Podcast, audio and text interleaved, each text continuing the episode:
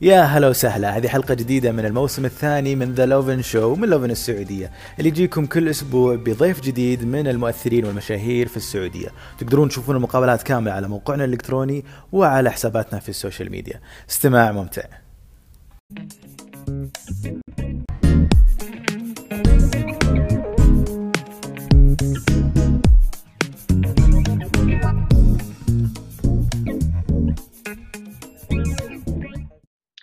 يا هلا وسهلا فيكم ويا مرحبا في أول حلقة من الموسم الثاني من The Lovin Show اللي راح نستضيف فيه مشاهير و influencers من السعودية. راح نتكلم عن أشياء عنهم وعن أشياء في السعودية وأشياء كثير طبعا. اليوم آه أنا سعيد جدا والله ومرة مبسوط إن آه، ضيفنا يكون أول حلقة والرجعة كذا بعد كورونا وبعد الأشياء هذه.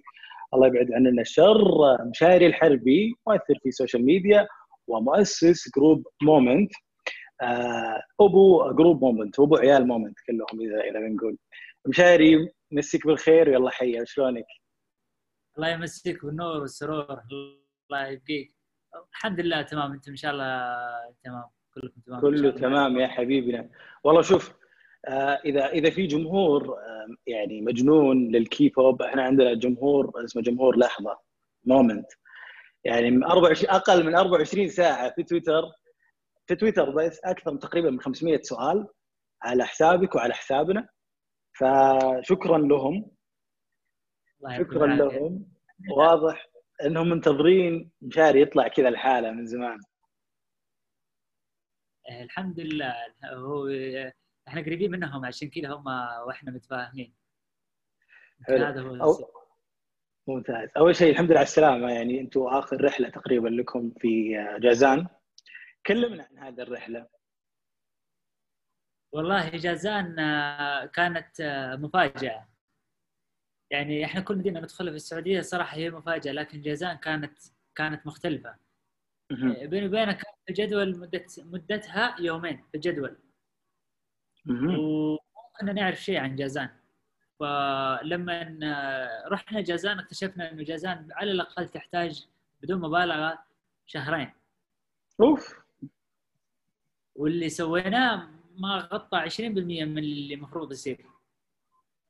وإحنا مددنا وصلنا جيزان يومين ومددنا إلى خمسة أيام وأخذنا اللي نقدر عليه من المهم إننا نقدر نغطي أبرز شيء في الجبال وأبرز شيء في الوادي وأبرز شيء في البحر. هذه هي الصدمة إن جيزان فيها جبل ووادي وبحر.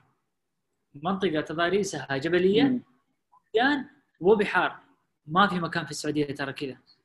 ما في تقريبا مكتملة التضاريس اي صادق. مكتملة التضاريس. رحنا محافظة تبوك 100% بحار. آه رحنا أبها جبال. عسير بشكل عام النماص تنومه أبها. جبال في جبال. يعني أنت تتكلم عن المطلات آه، في المنتزهات آه، في النماص أو تنومة. أو المنطقة ذيك بالكامل من تدخل من بني عمرو إلى توصل إلى أبها كله آه، تتكلم أنت عن جبال. فيها وديان. لكن وديان هذه هي انحدار هذه الجبال. السعودية صراحة مفاجأة. يعني أنا طول عمري أسافر برا. كورونا حددنا ان نسوي سياحة داخلية وإحنا قاعدين ننصدم. لما رحنا جازان آه تفاجأنا بعدد الجزر. بتضاريس البحر الأحمر موجود هناك. لو بتكلم عن البحر أقدر أقول لك أنا أقدر أسافر جازان لرحلة بحرية. في نفس الوقت أقدر أسافر جازان أبغى جو بارد. في نفس الوقت أقدر أسافر جازان للوديان اللي أنت بتشوفها من وادي لجا من في وديان ما شاء الله هم مسميات كثير لكن اللي أنا زرته وادي لجب كان معلم صراحة يعني هم إذا أنا بدون مبالغة بس أبغى أقول لو كان فيه سبعة العجائب العجائب. أنا رحت ثنتين من العجائب السبع أو ثلاث. جازان المفروض تكون تخليه تصير يعني وادي اللجب المفروض يصيرون آه العجائب الثمان مو العجائب السبع. وعلى فكرة الواحدة من العجائب السبع موجودة في الفلبين هو بالضبط نفس المنظر موجود في وادي اللجب نفس وادي اللجب نفس وادي أنا ألاقي السياح الفلبينيين يقولون تراها هي نسيت اسم المنطقة. ما هي بروكاي بس منطقة ثانية من العجائب السبع قاعد يقولون إيه. هو هذا هذا مصغر من هذاك ولكن هذا هو. هذا هو. كيف كان كيف كان الجو في جازان طيب؟ بما إن إحنا في August يعني أو سبتمبر بداية سبتمبر. حتى الجو كان كويس؟ لا حتى الجو يعطيك خيارات تبغى. تطفش تجيك في مدينه جازان كتمه حر رطوبة لكن إحنا وقتنا سبتمبر هو حر ورطوبة لكن تبغى براد اطلع جبل الأسود أو اطلع جبال فيفا تلقى البراد الجو معتدل. الليل بارد لأنك أنت على مسافة 1800 آه، قدم عن مهم. وتبغى معتدل ما الوديان كان جوها يعني في الظهر يديك تخرج بدون ما جميل. تنكتم جميل جميل. آه، إحنا شفنا لك زيارة في آه، اعتقد منزل نايف نايف مدخلي في نايفكم مشهور آه، في تويتر. صحيح. كيف كانت هذه الزيارة؟ أنا طبعا للأسف إن هذه الرحلة اللي أعتقد إنها ابها وجازان هي شخصيا الرحلة الوحيدة اللي ما شفتها وتابعت سنابات وتفاصيل الرحلة. ف فاتتني أشياء كثير وزي ما قلت إن طويلة مددته آه، كذا مرة صحيح أول شيء هو هذا سؤالين آه، السؤال الأول ال- يمكن السنابات بسبب إنه أنا ما شفت كل ال group هذه الرحلة. أنا تعمدت أشخص العدد لأنه رحلة تبوك كانت طويلة وشلت ال- ال group كامل ال group كامل. الا شخصين كانوا في الرياض اللي عبد العزيز والسلطان. الجروب كامل لما لما طلعنا معاهم تتكلم انت عن تسعة influencers ما طلع معاهم إلا خمسة من الإدارة. خمسة أنا طلعت خمسة على عدد كبير يعني خمسة. يعني قاعد أقول بخاطر أطلع خمسة من الإدارة عشان تسعة انفلونسرز كان الموضوع أكبر من إن اني إني أطلع خمسة. كان الموضوع يحتاج يحتاج يعني تتكلم جهد إداري ومالي. واحتياجات كل واحد يحتاج اثنين. يعني ال influencer الواحد احتياجاته عشان بس يسوي تغطية على جميع منصاته. ترى إحنا نغطي عن طريق الانستغرام عن طريق سناب شات عن طريق تويتر وفي النهاية ينزل العمل على قناة لحظه. يوتيوب. يوتيوب مضطر إنه يلبي احتياج ال crew حق مومنت في على قناة لحظة ومضطر هو يصور بجواله. انهبل المؤثر عندي. تخيل عددهم تسعة قاعدين يطلبون نفس الطلبات. تسعة. هذه الرحلة أنا تعمدت اخليهم بس ثلاثة عشان أقدر أركز. والتسعه يفرق. تسعة أنت تتكلم كل واحد مشاهداته من مليون إلى مليونين. معي تسعة. لو أصور بس وأنقل الحدث على تسعة مليون على الأقل. هذه المرة ما وصلنا لعدد كبير ولكن تأثير الثلاثة كان يوازي تأثير التسعة في أيام تبوك. أوف. رحلة تبوك أجل طلعوا عينك 6000 كيلو متر الرحله 6000 اللي يمرض واللي يصحى واللي ينفس واللي يروق واللي يتعرض لمشاكل. فعلا يعني خطير الموضوع أنت تتكلم عن تسعة أشخاص. أما هذه الرحلة كانت ثلاثة لكن أهالي جيزان استقبالهم خلى الثلاثه كأنهم 20 الله. جيزان كانوا من زمان منتظرين أحد يجي يغطي. يعني جو جوها مدونين آه قناة في يوتيوب آه لكن إحنا نسوي يعني إحنا ثلاثة. أي كان ك influencers ما ما حد جاء. قليل صح؟ قليل جدا. ويسوي هذا يسوي الزخم. اللي صار. وكان التفاعل معنا عالي. عشان كذا كان في كان الأصداء جازان كانت أكبر كثير من أصداء تبوك. أنا مم. تبوك لأن الرحله كان عنوانها تبوك ولكن هي حايل وقصيم وينبع اي طبعا إي أكيد بالنسبة لنايف مدخلي إحنا في مم. الأساس ال ال الاسم اللي المفروض نقول اللي هو فيصل مدخلي. مدخلي هو برضو موجود على تويتر ولكن هو رئيس نادي حطين وهو من أهم رجال آه، إي جازان نعم.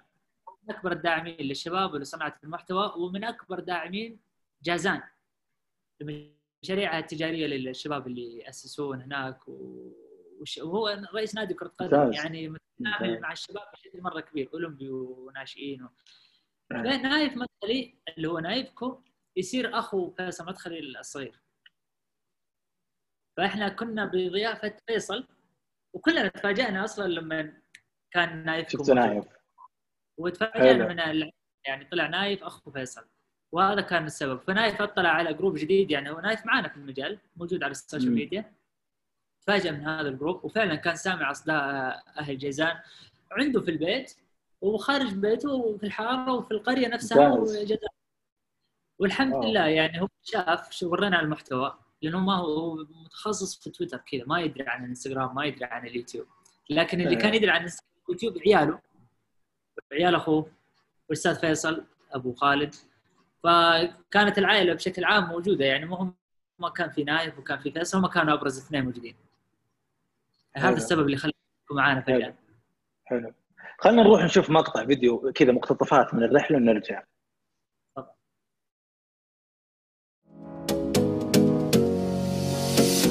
You oh oh oh. You like a guy who could treat.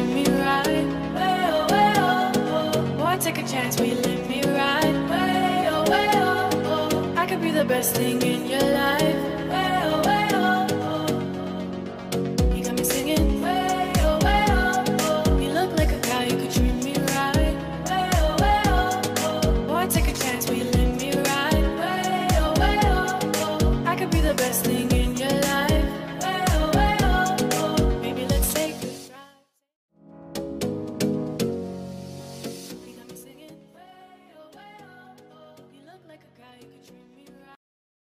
أنا بسالك الحين آه بعد كورونا آه يعني آه أول شيء بسالك عن كورونا نفسها كيف كان تواصل آه الجروب بين بعضه؟ كيف كيف استمر إنتاج محتوى لحظة آه وقت الحجر اللي كان كلي وكان جزئي؟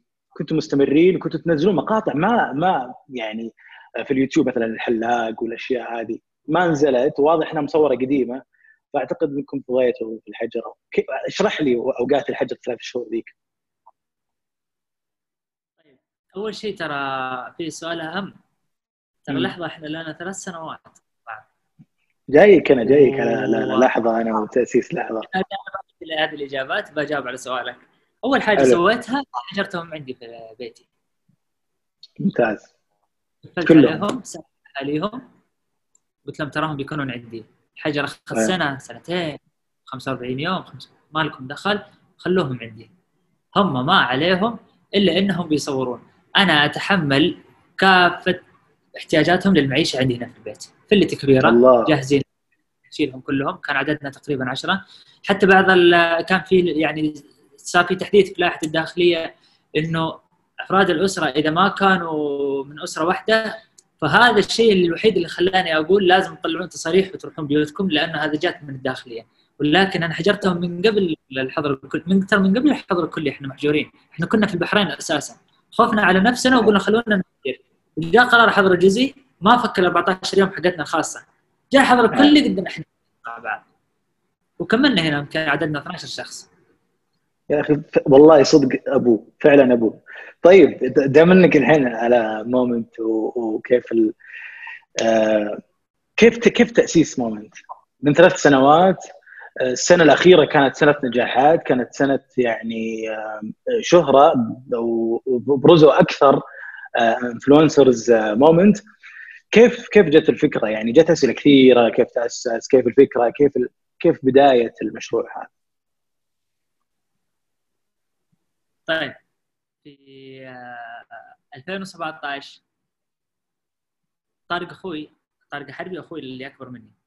يمسيه بالخير طبعا حبيبنا. الله يخليك. من أكثر المتفاعلين ترى مع لابن سعودي على هلا؟ الانستغرام أقول من أكثر الناس المتفاعلة على الانستغرام مع لابن صحيح. سعودي مسيه بالخير حبيبنا. حصل إنه طارق بدأ شهرته في 2014 وشهرة أخوي طارق غيرت أشياء كثيرة في حياته. حياة. المجاورين له منهم أنا حلو. 2017 أنا قررت إني آه إني أنا ما أبغى طارق يعني كان معطيني الفرصة إني أنا أبرز نفسي معاه وأنا ما كنت أبغى أبرز نفسي معاك حابب أنا من يوم إداري أحب أشتغل خلف الكواليس فقلت له أنا أبغى اسس مجموعة شباب أنا بختارهم بعناية وأنا أرجع أعيد قصه النجاح اللي أنت حققتها مع هذول الشباب ولكن أنا خلاص واضح الخ- الطريق قدامي. أبغى أبدأ من حيث أنت انتهيت. الله. رحت على جدة ثلاثة شهور بعض خريجين جامعة UBT هناك آه، جلسنا معاهم رسمت الخطة كاملة. هذا الكلام في رمضان 2017 تقريبا. واخذ لي اخذت رجعت في سبتمبر 2017 قررت الآن أبدأ أبحث عن الأشخاص. الخطة موجودة كل شيء موجود. آه، أسست ال- الوكالة الإجراءات الحكومية بالكامل أعلنت التوظيف ووظفت الناس اللي أنا أحتاج إنهم يصنعون هذا ال group. من بي أو بي crew فريق عمل إدارة فريق تطوير اعمال إلى اخره يوم وظفت الشباب وظفت فريق العمل. الآن أحتاج ال characters اللي أصنع شهرتهم وخطوط الشهرة حقتهم هم categories أصلا. بديت في 2017 سبتمبر وتعمدت إني أختار شباب صغار طلبت من الفريق البحث على 18 سنة أو إذا مضطر الموضوع انه يكون أكبر من 18 يكون يعني شيء عنده شيء يميزه. كان أول واحد دخلت في الجروب هو عبد الإله المدني كولد صغير يمكن ثاني ثانوي ذيك السنة. دخل عبد الإله مصعب سلطان مع بعض دخلوا. في أصلا يعني وقعوا هم في فترة تج- تجريبية ثلاثة شهور قبل توقيع العقد. من سبتمبر وقعوا عقودهم على السنة الجديده اللي هي 2018 بعدها الشباب اللي هم مش يعني هم حرفيا موظفين في- من البداية. شباب صغار ما يع... يعني عندهم الشغف عندهم الموهبة بس أي. ما يعرفون الطريق. كانوا صغار. يعني سلطان أتذكر إحنا فتحنا حسابه مع بعض في الإنستغرام. وإحنا فتحنا سنابه مع بعض في السناب شات آه عبد الله المدني كان يطقطق في ال social media عنده 30000 يفتح بثوث كان معاه عز الخدي في السنة. مصعب المالكي نفس الشيء فانطلقنا. بعدها لحقنا. مشعل وفيصل جلس معاهم مقابله شخصيه موافقة عليهم تم ادخلوا. بدينا في 2018 على هذول الخمسة. جربنا عليهم جلسات التصوير الفيديوز آه، السيناريو آه، نكتب الفكرة في سناب شات يبدون يمثلونها مع بعض من بداية هذا الأسبوع لين نهاية الأسبوع الجاي يورونا النتائج كيف صارت. طوال سنة 2018 تدريب 2019 تنفيذ ولكن لسه الناس مو قاعدين يشوفونا قاعدين نجمع ها ها لما جات سنة 2020 نهاية 2019 أصلا أنا قاعد أقول خلاص الآن وقت تخطيط التنفيذ الحقيقي. وفعلا أنا في مقاطع كثير تشهد كنا في اجتماعات كثير قاعدين نقول وعدنا شهر 3 2020 وعدنا شهر 3 ما ندري عن كورونا. إحنا هذا كله قاعدين نخطط إحنا ما ندري عن كورونا. حلو. وبدأ نأخذ المقاطع اللي أنت ذكرتها إن اللي نزلت أيام الحجر وهي متصورة من أول. فعلا إحنا جهزنا من نهاية 2019 مقطع الحلاق مقطع مقاطع سباق ال 21 كيلو في البحرين.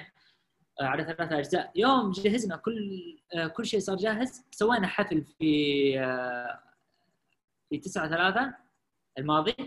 حفل تدشين قناة لحظة. وبداية آه، هي تجديد عقود المؤثرين للجاي. هذا ال- هذا كان مفترق الطرق. هذاك اليوم جميل جميل جميل. نزل أول سنجل أغنية ملعون. إيه. طيب شلون وش المعايير اللي تختار فيها ال- ال- ال- المؤثرين واللي الناس اللي بيدخلون Moment برضه هذا واحد من أكثر الأسئلة اللي جاء بكثير على الهاشتاج أول حاجة ونقطة مرة مهمة ان المؤثر علاقته العملية معانا مع Moment أو معي أنا شخصيا هو. شريك. ممتاز. آه المعايير آه بديهيه عند أي شخص بيختار شريك تتكلم أنت اليوم لو أقول لك آه عندك فكرة مشروع ف- تدور على شريك واضحة المعايير. تدور واحد أمين شغوف آه، متفاهم معك أنتم بينك وبينه تناغم فكري آه، متعلم. في نفس الوقت ولد ناس. أنت تضمن بإذن الله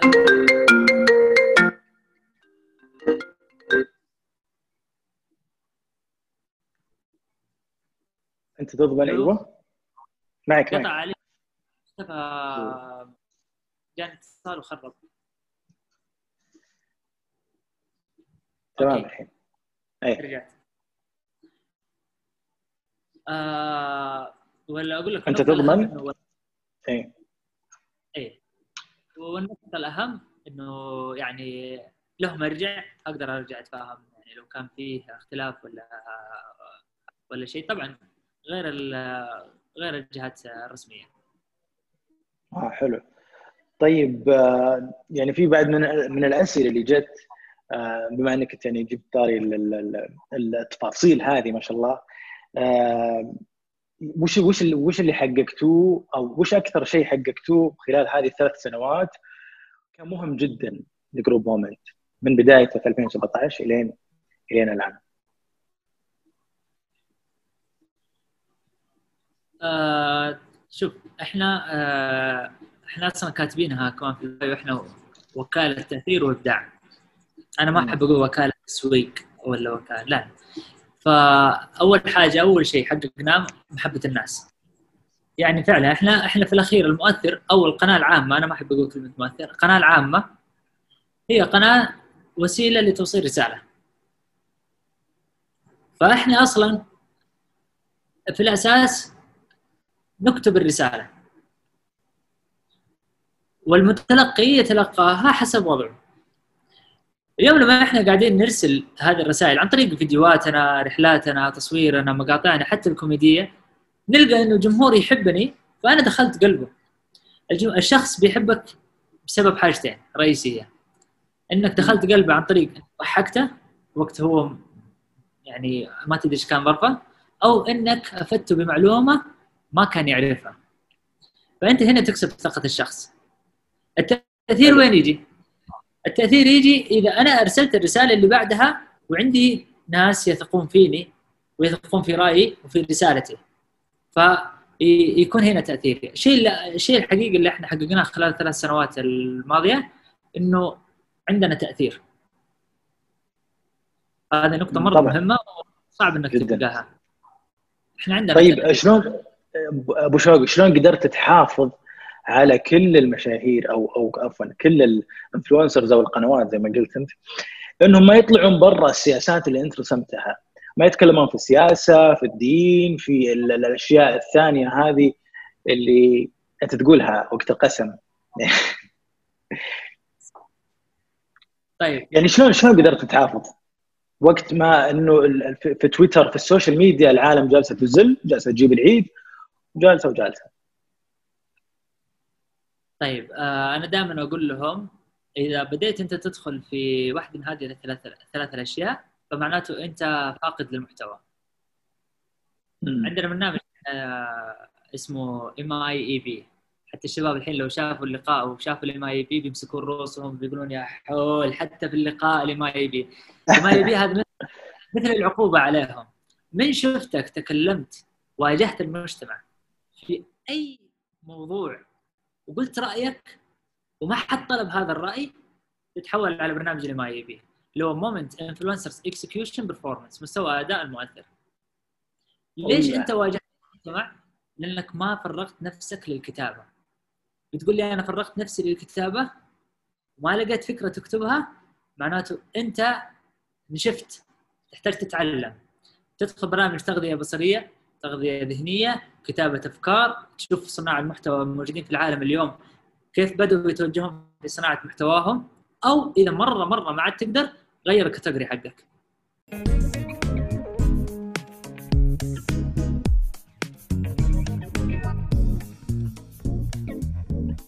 هذا كان جزء من الحلقة. تقدرون تشوفون المقابلة كاملة على موقعنا الإلكتروني وعلى حساباتنا في كل مواقع التواصل الاجتماعي. شوفكم هناك.